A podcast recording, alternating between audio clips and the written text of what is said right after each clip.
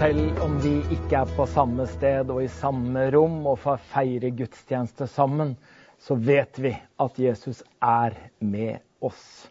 Jeg syns vi skal be en bønn også for deg som sitter og har det ganske tungt denne langfredagen og syns at det er vanskelige tider. Da skal du vite at vi er sammen, alene, men vi er sammen med Jesus. Herre, jeg takker deg for at du er her, og at du er alle steder hvor vi får lov å dele fellesskapet gjennom disse gudstjenestene på nettet. Jeg ber i Jesu navn om at du styrker den som syns dette er en krevende dag. Og jeg ber om at evangeliet om deg og din seier på korset skal være med og gi håp for framtid. Det ber jeg om i Jesu navn. Amen. I en sånn påskevandring som dette, så legger vi mer vekt på den ytre fortellingen enn den indre. Mer hva som skjedde, enn hvorfor. Selv om det viktigste selvfølgelig som skjer i påsken, skjer på det indre plan. Allikevel så er det jo slik at vi hele året ellers taler om betydningen av det som skjedde. Mens vi ofte går glipp av sammenhengen, altså selve fortellingen. Hva skjedde, når skjedde det, hvordan skjedde det, hvor skjedde det? Så i denne påskevandringen prøver vi å legge vekt på akkurat det. Og så ber vi om at Den hellige ånd virker i oss og viser oss Jesus også mellom disse gudstjenestene. Fra time til time, dag for dag, gjennom hele påsken. Og nå er det altså langfredag, og vi fortsetter påskevandringen nettopp der vi slapp skjærtorsdag natt. Vi forlot jo Jesus i Getsemane ved midnattstid etter at han var forrådt av Judas med et kyss, arrestert av tempelvaktene og de religiøse lederne. Og Markus skriver alle forlot ham. Og Jerusalems lange våknatt den går mot slutten for alle de som feirer påske i Jerusalem. Men i denne nattens mørke, etter frihetsfesten på Sion og bønnekampen i Getsemane, så begynner en mørk natt mot en veldig lang dag for Jesus. Og langfredagen har ulike navn eh, på forskjellig språk. Noen kaller den Den gode fredag, noen kaller den Den store fredag, og noen igjen kaller den rene fredag. Hos oss er det langfredag, for det er den lengste av alle dager. Med arrestasjon og vandring fra hagen nede i Kedrondalen opp til Øvrebyen, med forhør hos de jødiske og romerske myndighetene, og så smertens vei via Dolorosa til Golgata, hodeskallestedet. Og denne dagen kom sannhetens øyeblikk både for øversteprestene, den romerske landshøvdingen Pontius Pilatus og kong Herodes. De fikk sitt avgjørende møte med mannen fra Nazaret. Og spørsmålet er hvem er Jesus? Hva er sannhet? Og i møte med Jesus i påskeevangeliet blir også vi stilt på valg. Er Jesus Guds sønn? Og hvis han er det, hva gjør jeg med det? Og Pilatus spurte om det. Hva skal jeg da gjøre med Jesus? Og det spørsmålet må kanskje både du og jeg svare på. Vi skal gå inn i rettsprosessen mot Jesus. Etter at de har arrestert Jesus, så begynner jo disse rettergangene allerede etter at de kommer fra Getsemane og opp til Øvrebyen. For de må jo få dømt Jesus til døden. Og det er to retterganger. Den ene er religiøs. Og den andre har mer politisk karakter. Den religiøse rettergangen den var for jødene. De var jo okkupert av romerne, så da finnes det en politisk eh, rettergang som romerne er involvert i. Og begge disse igjen kan deles i tre. Og Den første eh, er altså den religiøse delen. Og da er det første forhøret oppe hos Annas, og vi er omtrent ved midnatt. Og vi regner med at klokka er sånn et eller annet sted mellom midnatt og klokka tre på natta. Vi er oppe i Kaifas palass, vi er i tjenesteboligen for øverstepresten. Og vi er altså hos Annas. Han hadde vært øversteprest i seks til syv år. Han hadde gått av for noen år siden. Men han var en pater familias i den mektigste av de jødiske familiene i den hellige byen. Han hadde fem sønner, og alle Annas fem sønner var øversteprester. Han hadde en svigersønn som het Kaifas, og han var nå den fungerende øverstepresten. Hvilket familiedynasti! Og Den senere rabbinske tradisjonen formidler det bildet av eh, folket hadde av dette ledersjiktet når den forteller at Annas og hans sønners navn ble oppfattet som forbannelser og kun uttalt halvt hviskende. Og lite skjedde på topplandet i Jerusalem som ikke Annas hadde kontroll på. Slik også med dette tilfellet Jesus fra Nasares. Og Annas han hadde nok stått sentralt i sitt ønske om å få tak i Jesus og få ryddet han av veien. Så den de skriftledde tar Jesus med til aller først, det er altså denne Annas. En slags gest overfor denne gamle øverste presten. Og dette er det første forhøret som Jesus på en måte møter i denne rettergangen. Og nå står det i Johannes evangelium at øverstepresten spurte nå Jesus ut om disiplene hans og om læren hans. Og om disiplene hans så er det jo sånn at dette forhøret som Jesus utsettes for, og hvor han blir spurt om disiplene, så tenker jeg ja, Jesus, hva har du tenkt å si om dem? Har du tenkt å si om Judas, som nettopp har forrådt deg? Hva har du tenkt å si om Peter? Han er ute på gården, og du vet at han kommer til å fornekte deg bare om noen minutter. Eh, og du kjenner jo til at Thomas sliter med denne tvilen. Og Jesus kunne beskrevet både den ene og den andre, men det står om hans disipler svarte han ikke ett ord. Det er stort. Jesus har aldri utlevert en eneste en av oss. Og om hans disipler sa han ingenting. Men han ble også spurt om læren sin, eller læren hans, og da bøvde han ikke være taus. Og da sier Jesus, 'Hvorfor spør du meg om det? Jeg har jo ikke undervist i krokene.' Det er nesten som han hadde sagt. 'Har du ikke hørt podkastene?' Det er jo lagt ut alt sammen. Det har jo ikke skjedd i mørke kroker borte i bortgjemte rom. Jeg har jo talt offentlig. Spør de som har hørt meg. Da får Jesus seg et ordentlig slag i ansiktet. Og det kommer til å bli flere. Og Jesus spør hvorfor slår du meg? Hvis, hvis, det er galt det jeg sier, så må du bevise det. Og hvis jeg har rett, hvorfor, hvorfor slår du meg da? Dette var det første forhøret.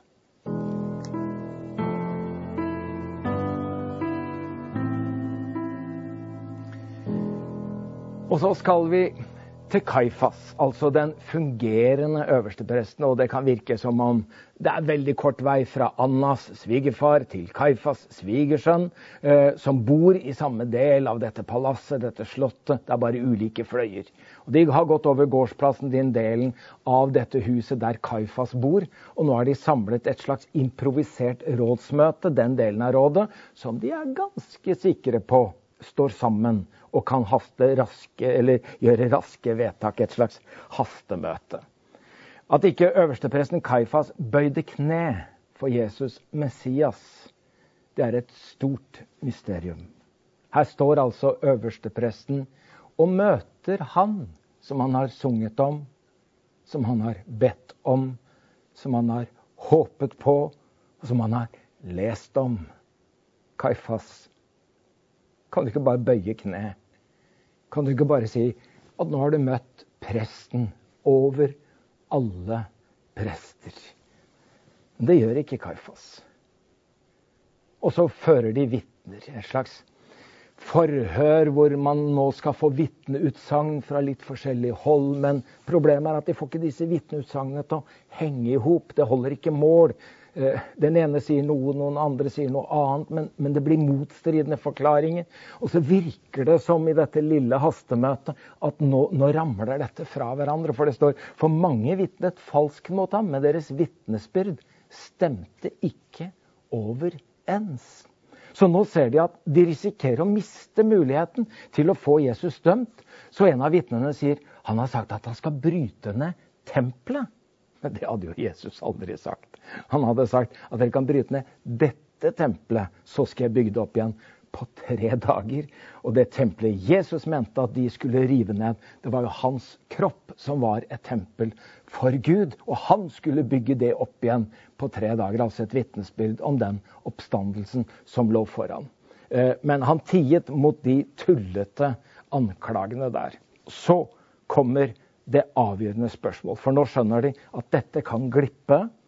Da stiller Kaifar seg rett foran Jesus Og så har han dette helt avgjørende spørsmålet. Jesus fra Nasaret, ved den levende Gud byr jeg deg å si oss, er du Messias, Guds sønn?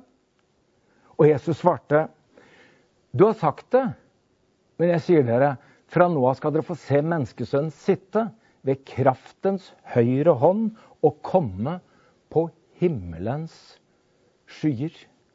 Da blir Kaifas så vred for denne gudsbespottelsen at han river klærne sine i filler foran ham. Det må han forresten gjøre når han mener at han er vitne til blasfemi. Hva skal vi med vitner etter dette? Og Det førte til at de på dette rådsmøtet bestemte at en mann som kan spotte Gud på denne måten, han må dø.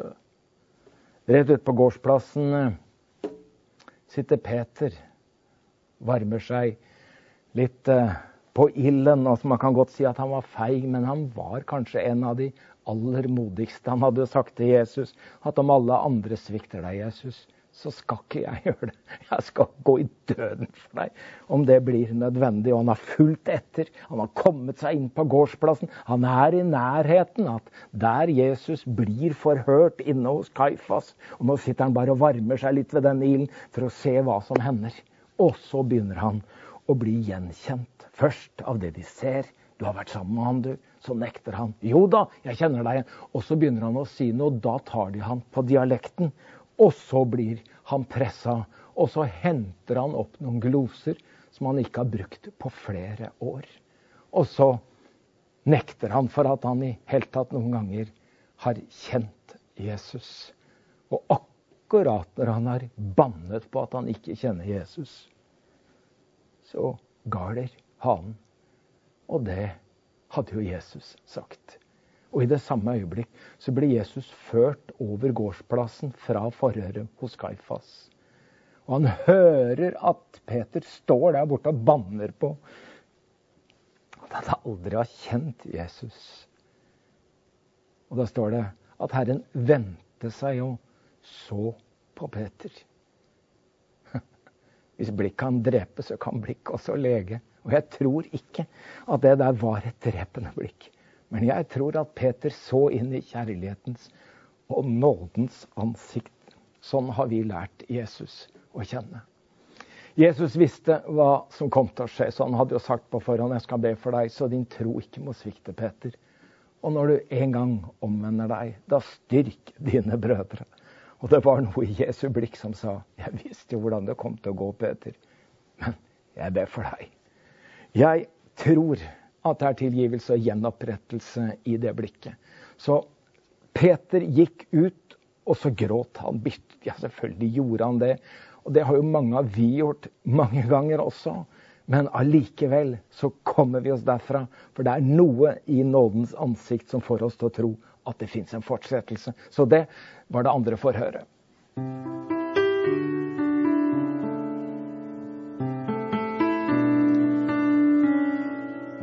Nå kommer det tredje, og det er for det, mer, det, er for det høye råd, altså mer formelt. De hadde egentlig ikke lov til å felle en dødsdom om natten, for det måtte skje i dagslys. De hadde heller ikke lov til å gjøre det uten at Det høye råd var til stede. Eh, og Det høye råd i Israel på den tiden, Sanhedrin, besto av 71 medlemmer, inkludert den regjerende øverstepresten, altså han som fungerte som rådets president. Og så tjente dette som et slags internt parlament i det jødiske folket på Jesu tid. Og Rådet hadde 70 medlemmer, altså.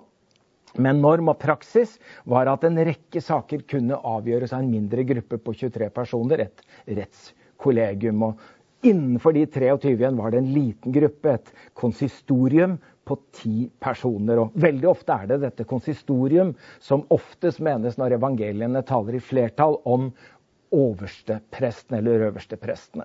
De skulle aldri holde rettsmøter på en sabbat eller en festdag, og de skulle heller aldri påbegynne om natten, og ingen kunne sitte til doms som hadde drukket fire beger vin eller mer, slik alle jødiske menn gjorde denne påskenatta.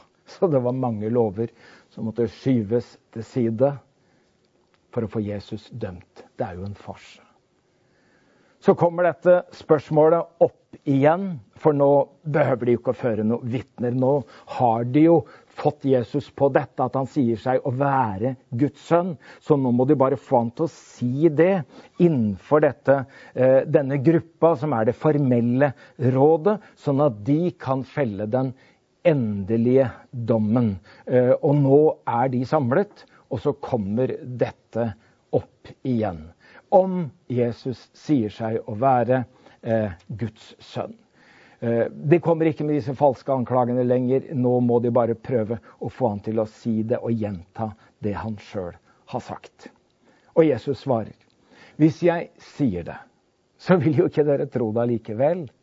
Men er du Guds sønn? spør de da. Dere sier det. Jeg er Guds sønn, sa Jesus. Da skjer det samme igjen. De spotter, de spytter. De legger et slags dekke over ansiktet til Jesus, og så begynner de å banke og slå. 'Nå kan du profetere nå! Hvem av oss er det som slår deg?' De har bestemt seg for at denne som sier at han er Guds sønn, at han skal dø. Men stopp en hal. Av alle de anklager som dere har klart å samle hos mennesker som har sett, hørt, vet, så finner dere ikke at Jesus er skyldig i noe som helst. Og du kan være helt sikker på at de har prøvd en liten løgn, en liten usannhet, litt falskhet, litt horeri, litt urettferdighet, litt unøyaktighet. Bare et lite tyveri. De har gått igjennom Jesus med lys og lykte for å finne ett eller annet som de kan anklage ham for. Men de finner ikke noe annet å ta Jesus for enn dette at han har sagt at han er Guds sønn. Så det er det som blir stående igjen etter hans eget vitnesbyrd. At han er Messias, Guds sønn. Så på hans eget vitnesbyrd dømmer de han til døden. Og det var det tredje forhøret.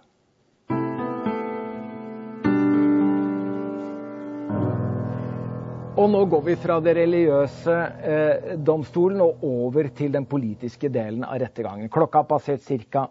fire om natta, og nå skal vi opp og over til Pontius Pilatus. Jødene hadde lov til å avsi en dødsdom, men de hadde ikke lov til å utføre dem, for de var under romersk okkupasjon.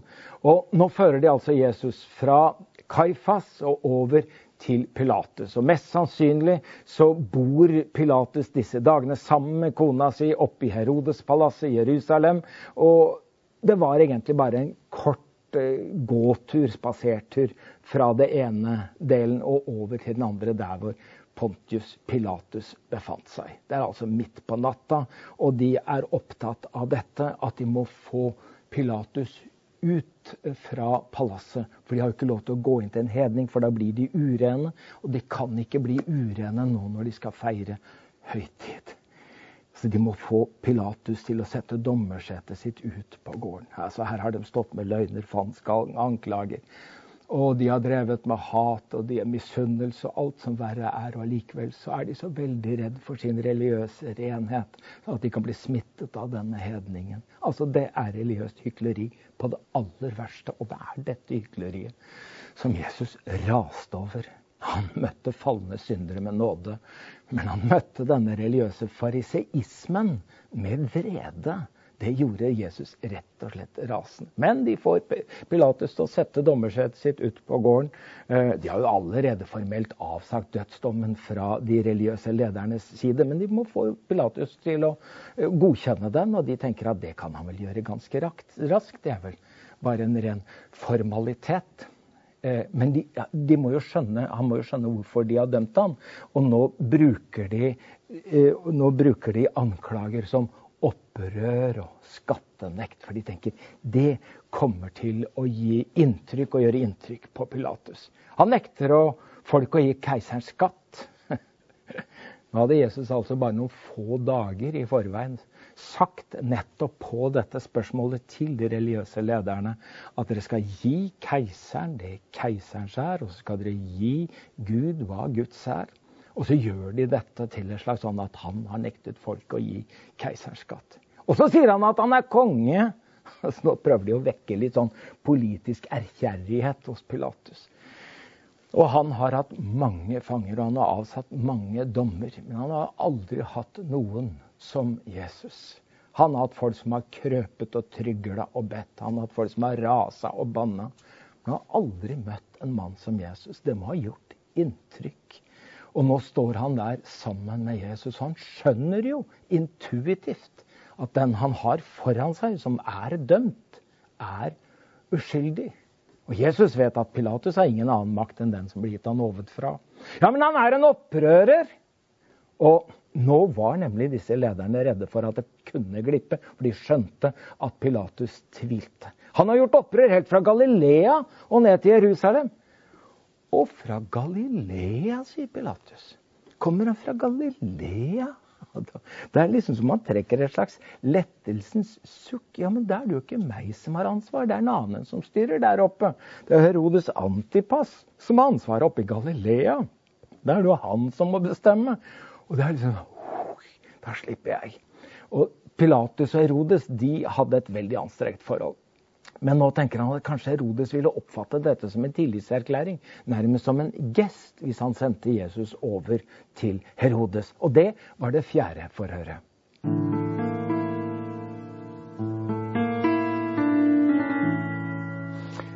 Nå skal vi over til Herodes.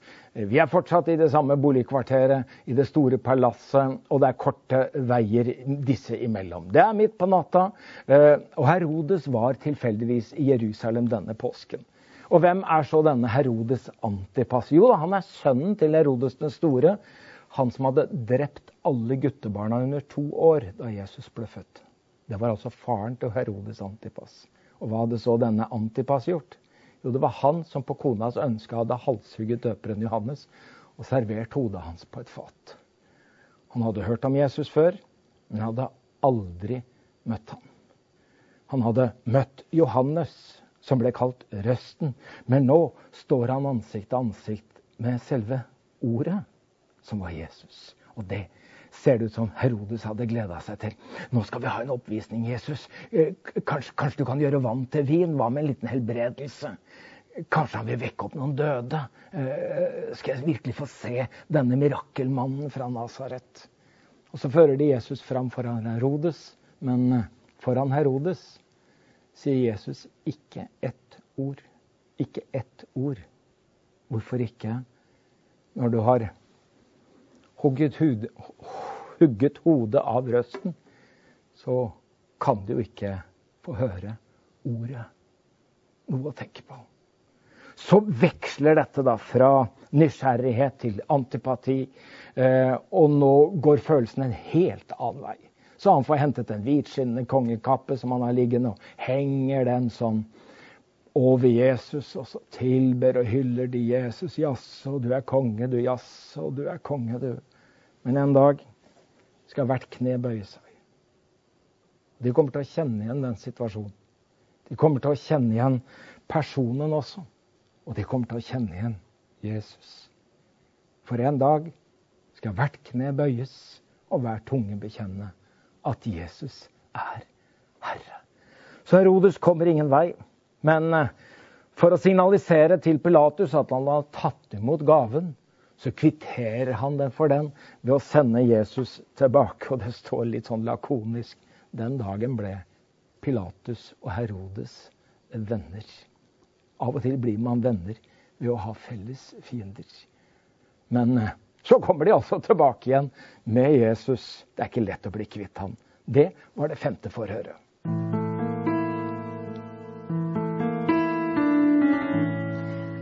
Nå kommer det sjette og det siste og det er hos Pontius Pilatus. For Jesus føres over gårdsplassen og tilbake til Pilatus. Og enda en gang må Pilatus bære dobbeltsetet sitt ut på Slottsplassen for at disse religiøse lederne ikke skulle bli urene. Og Han setter seg på sitt dommersete, og da får han en beskjed fra kona.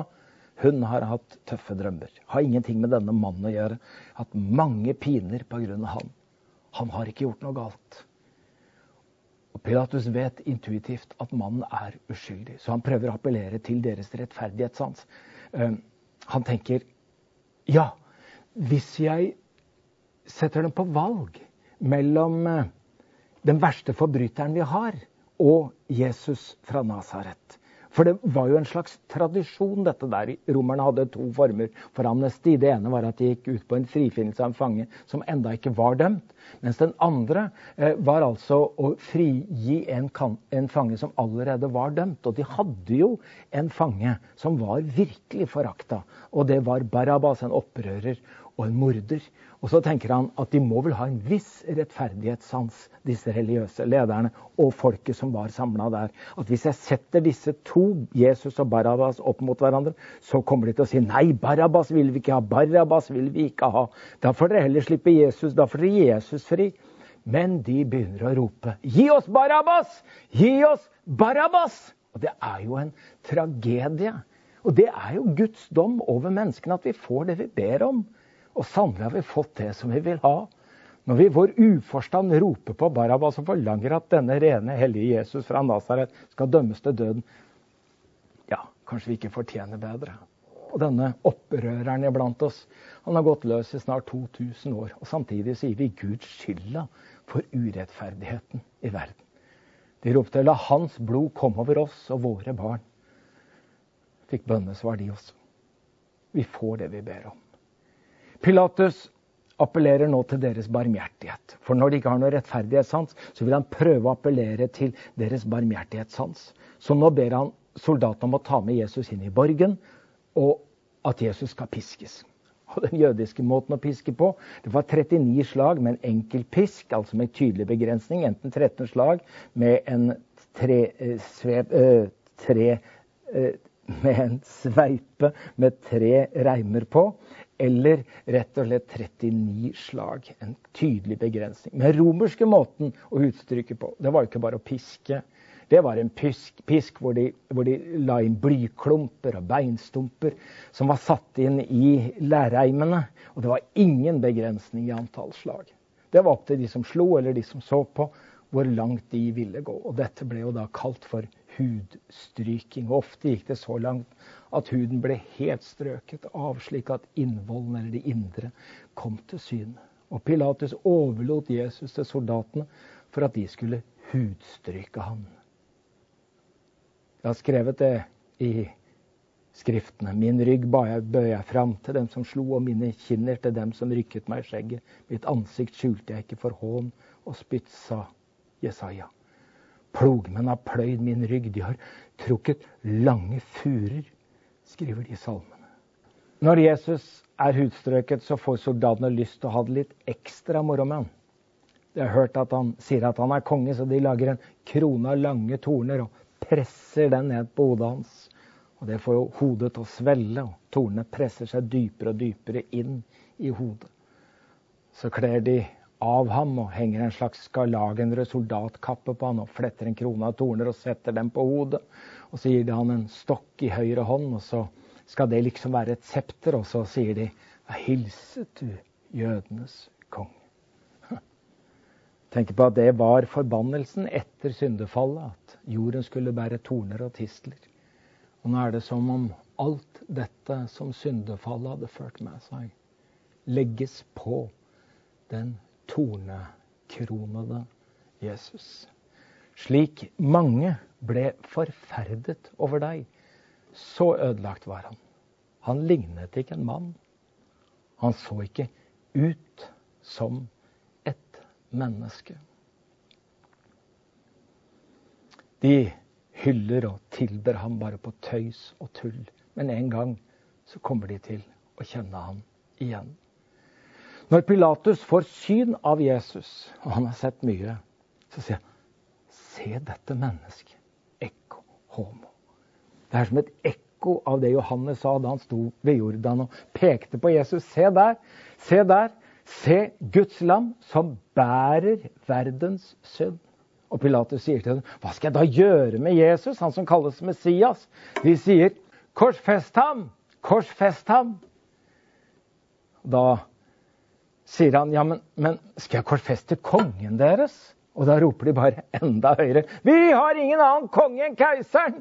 Og dette var de religiøse lederne som ikke hadde lov til å ha noen annen konge enn Gud. Og nå bekjenner de seg til keiseren i Rom. Dette er jo religiøst hat på det aller verste. Pilatus prøver enda en gang å unngå Jesus dødsdommen, men nå setter de inn det som for han blir helt avgjørende. Om du ikke lar denne mannen gå, om du lar denne mannen gå, da er du ikke lenger keiserens venn. Og for en ambisiøs karrieremann som Pontius Pilatus, så var dette det ømme punktet. Han kunne ofra mye, men ikke vennskapet sitt med keiseren. Og kanskje det er mange som kjenner igjen der, at man har et slags sånn smertepunkt om hva livet eller troen på Jesus kan medføre. Hva vil de på jobben si? Hva vil forloveden si? Hvordan reagerer vennene hvis jeg sier at jeg tror og følger Jesus? Så kanskje mange har latt Jesus gå akkurat på et sånt ømt punkt som de trykker på hos Pilatus. Da er du ikke lenger keiserens venn. Nei, dette var ikke Pilatus klar for å ofre, iallfall ikke for Jesus skyld. Så han tar et vaskefat og så vasker han hendene sine. Og så dømmer han Jesus til døden. Men det er ikke lett å bli kvitt synder med såpe og vann. Vi sier fortsatt i trosbekjennelsen at Jesus ble pint under Pontius Pilatus. Og nå kommer det nye lovbrudd. Det var ulovlig både for jøder og romere å gå rett fra én dom over til henrettelse. Jødene kunne ikke henrette én samme dag som han var dømt. Og romerne de måtte ha ti dager fra dom til henrettelse. Men hatet var så stort, og frykten så stor for at dette skulle glippe, at de setter også de lovene til side og bestemmer seg for at Jesus, som nå er dømt til døden både av religiøse og politiske myndigheter, skal dømmes til døden, og dette skal fullføres samme dag. Når de har tatt av Jesus denne narrekåpa hans, så tar de på han sine egne klær. For det skal jo også oppfylles dette ordet, at de skal kaste lodd om hans kjortel. Og så fører de Jesus bort. Og han må selv bære korset sitt ut til det stedet som heter Golgata, altså hodeskallestedet. Og det var det sjette og siste forhøret.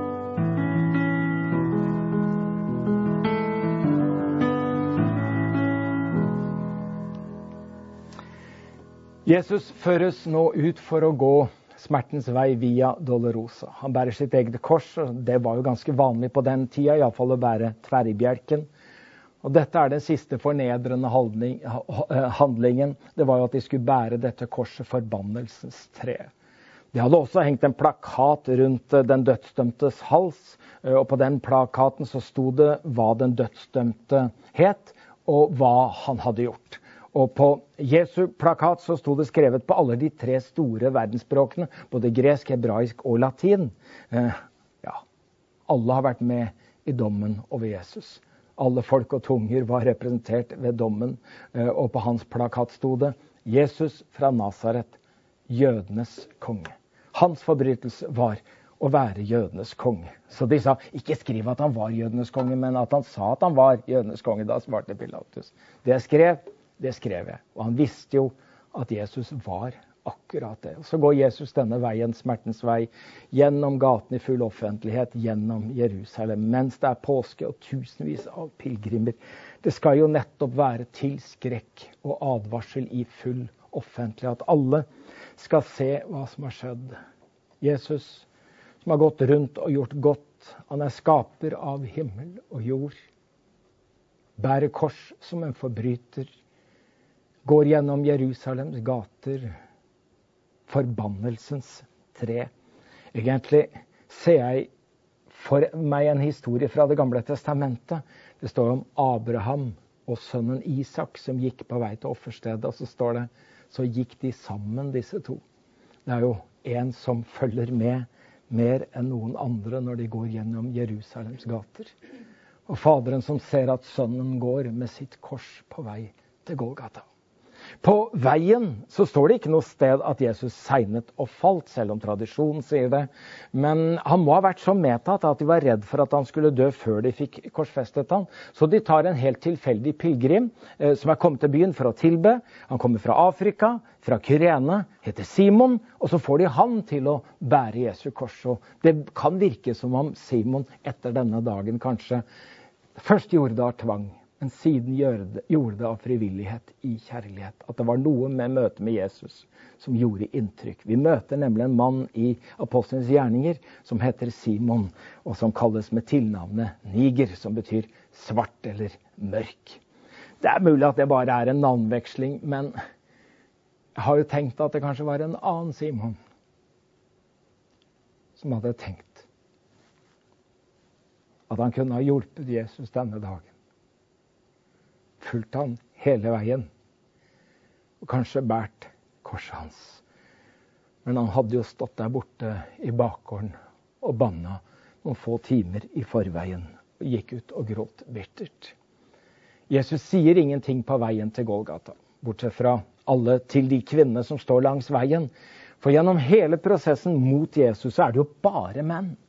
Det er jo et tankekors. Det var en mann som forrådte ham, det var menn som arresterte ham. og det var en mann som fornektet ham, og det var menn som forhørte ham. Og det var menn som dømte Jesus også.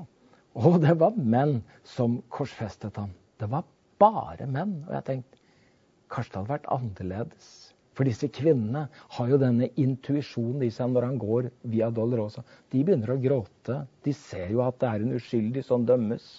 Og så, så ser jo Jesus dette, og så sier Jesus til disse kvinnene gråtende kvinnene at eh, ikke gråt over meg, men gråt heller over dere selv og deres barn. Og Jesus i sin egen smerte og lidelse er i stand til å ta inn over seg den smerten og lidelse som han vet kommer over disse kvinnene og deres barn og deres historie.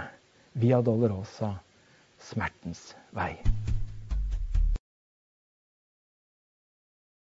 De fører Jesus til Golgata utenfor bymuren. Stedet kalles Golgata fordi det betyr hodeskallestedet, og det var ved denne høyden enten som lignet på en hodeskalle, eller at det var fordi benrestene av de korsfestede forbryterne ble liggende der. Golgata var på mange måter Jerusalems galgebær.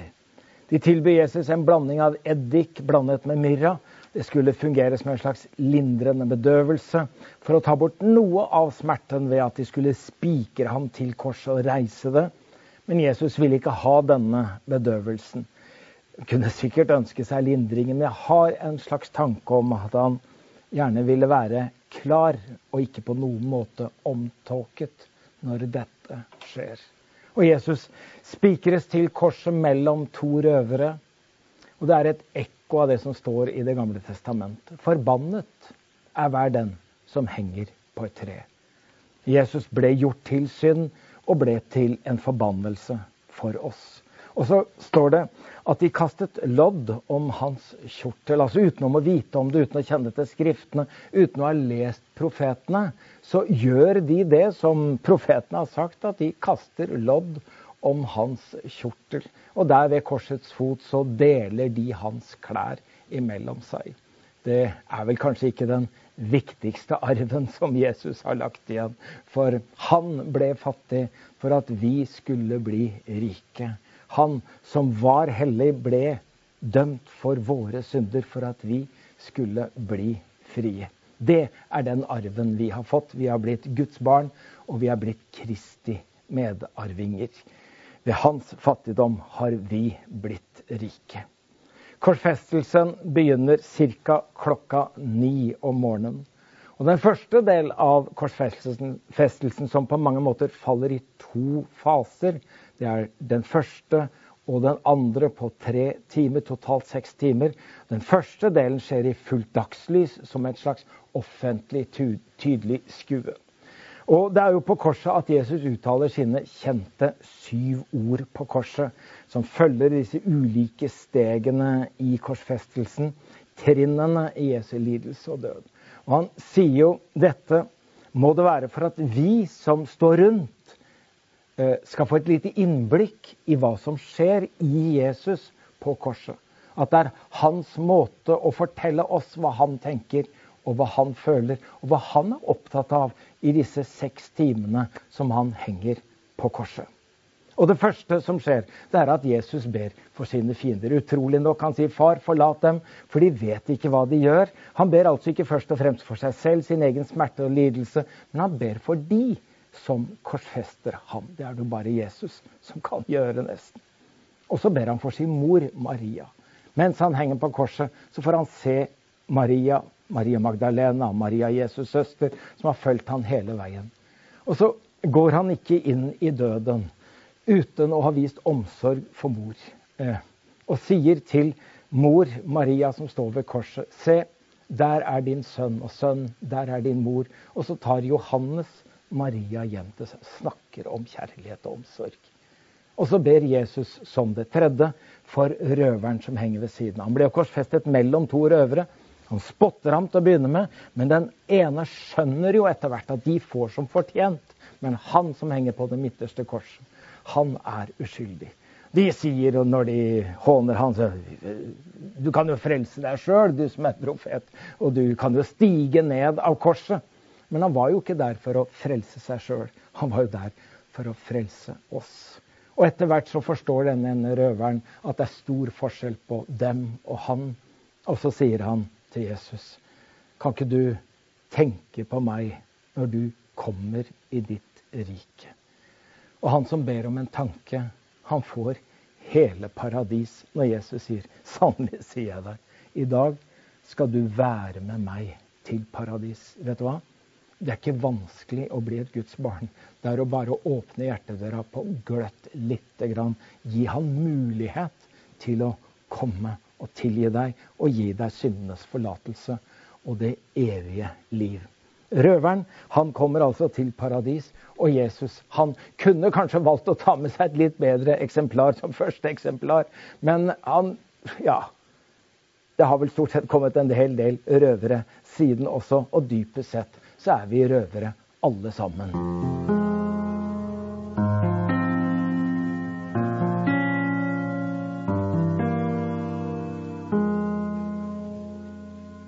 Nå kommer vi inn i skal vi si, fase to i korsfestelsen. Og det kommer et uvanlig, overnaturlig solformørkelse over hele landet. En vanlig solformørkelse den kan bare vare i åtte minutter. Men dette var altså en overnaturlig solformørkelse i forbindelse med korsfestelsen. Det er jo alltid fullmåne i forbindelse med den jødiske påsken, og da kan det ikke forekomme solformørkelser. Så dette var ikke naturlig. Det var overnaturlig. Altså det hang sammen med denne korsfestelsen. Og den varer ikke bare åtte minutter, men varer i tre timer. Da den sjette time kom, står det, ble det et mørke over hele landet, og det varte til den niende time. Da Jesus ble født, så var jo det midt på natta. Eh, og da ble det lyst, som om det var midt på dagen. Men da Jesus døde, da var det midt på dagen. Men det ble mørkt, som om det var midt på natten. Jesus er verdens lys. Og uten Jesus er verden lagt i mørket. Det kan virke som om selv naturen lukker øynene for det som skjer. Så det blir altså dette totale mørket. Og det har aldri vært mørkere på jorda noen gang som disse tre timene denne langfredagen.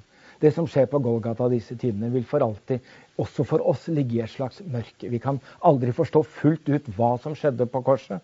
Vi blir stående utenfor og betrakte det hele på større eller mindre avstand. Men det er nå hvor djevelen og hele hans ånde her går imot Jesus. Det er en kamp mellom mørkets fyrste og verdens lys. Djevelen hadde forsøkt å stanse Jesus fra det første øyeblikk. Han hadde prøvd ved å drepe alle guttebarna i Betlehem under to år. Og han hadde prøvd på mange andre måter, men han hadde aldri klart å stanse Jesus fra å nå korset. Og nå er Jesus på korset, og nå kommer alle disse kreftene. Djevelens hær, djevelens mørke, som kjemper mot Jesus Kristus. Hør. Min Gud, min Gud, hvorfor har du forlatt meg? Hvorfor er du så langt borte når jeg trenger hjelp og skriker ut min nød? Men Gud, jeg roper om dagen, men du svarer meg jo ikke. Jeg roper om natta, men jeg får ikke ro. Vær ikke langt fra meg, for nøden er nær, og det er ingen som hjelper. Store okser samler seg om meg, og stuter fra basaen, flokker seg rundt meg. De sperrer opp gapet mot meg, lik en løve som brøler og river i stykker. Jeg renner bort som vann, alle mine bein er løsnet. Hjertet er som voks, smelter i meg, og munnen er tørr som et potteskår. Tungen er som klistret og gal. Du legger meg ned i dødens støv. Hunder samler seg om meg, en flokk av voldsmenn. De omringer meg, og de gjennomborer mine hender og mine føtter, og hvert ben i kroppen kan jeg telle. De stirrer, Så deler de klærne mine mellom seg og kaster lodd om kappen.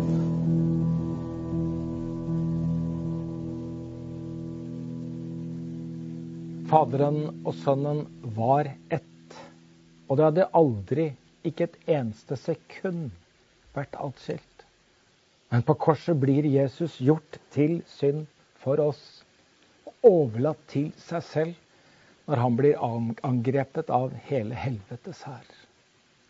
På Golgata den langfredagen fantes det bare én synder i hele verdenshistorien. Dommen over all synd til alle tider rammet den eneste, helligste, reneste Jesus Kristus. Og han roper, 'Min Gud, min Gud, hvorfor har du forlatt meg?' Og jeg har ingen forestillinger om helvete, men når Gud har snudd ryggen til, og det er mørkt, og du overlater deg sjøl, da er det iallfall helvete på jord. Min Gud, min Gud, hvorfor har du forlatt meg? roper Jesus. For Jesus var dette ikke bare en følelse, men en virkelighet. For at vi, selv om vi føler at det er slik, aldri skal være i den virkeligheten. Per Tveit, eh, som hadde kjempet mot MS i 20 år, sa rett før han døde, 61 år gammel Gud har jo aldri lovet oss fravær fra lidelse, men han har lovet oss nærvær i lidelse. For så høyt har Gud elsket verden at han ga sin sønn den enbårne, for at hver den som tror på ham, ikke skal gå fortapt, men ha evig liv. Så kommer det femte ordet eller ropet fra Jesus på korset.